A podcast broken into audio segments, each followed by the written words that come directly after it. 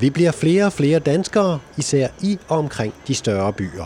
Lige nu der ser man øh, kraftigt stigende befolkningstilvækst, i, i, særligt i, i de store byer. Sådan har det været i noget tid. Men det er ikke kun en storbytendens, også de mindre byer har vokseværk. Så i hele 82 ud af landets 98 kommuner, jamen der har vi stigende befolkningstilvækst.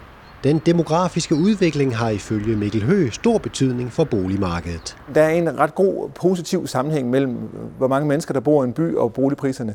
Jo flere mennesker, der, der kommer til byen, desto større er efterspørgselen efter byens boliger. Det presser prisen op.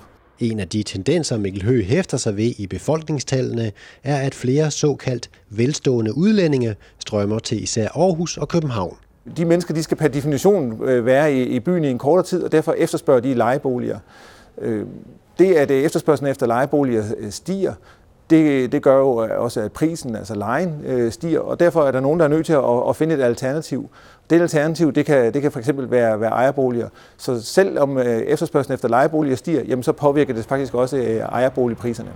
I en tid, hvor der tales meget om urbanisering, noterer Mikkel Høgh, at befolkningstilvæksten er bredt funderet. Der er faktisk stigende befolkningstilvækst stort set over hele landet. Det vidner noget om, at boligmarkedet, øh, det opsving, vi har, det, det breder sig ud over øh, det ganske land. Og, øh, og derfor øh, tror jeg ikke, man skal være så negativ på, på boligmarkedet, heller ikke i, i provinsen, som øh, nogen gerne vil være en gang imellem.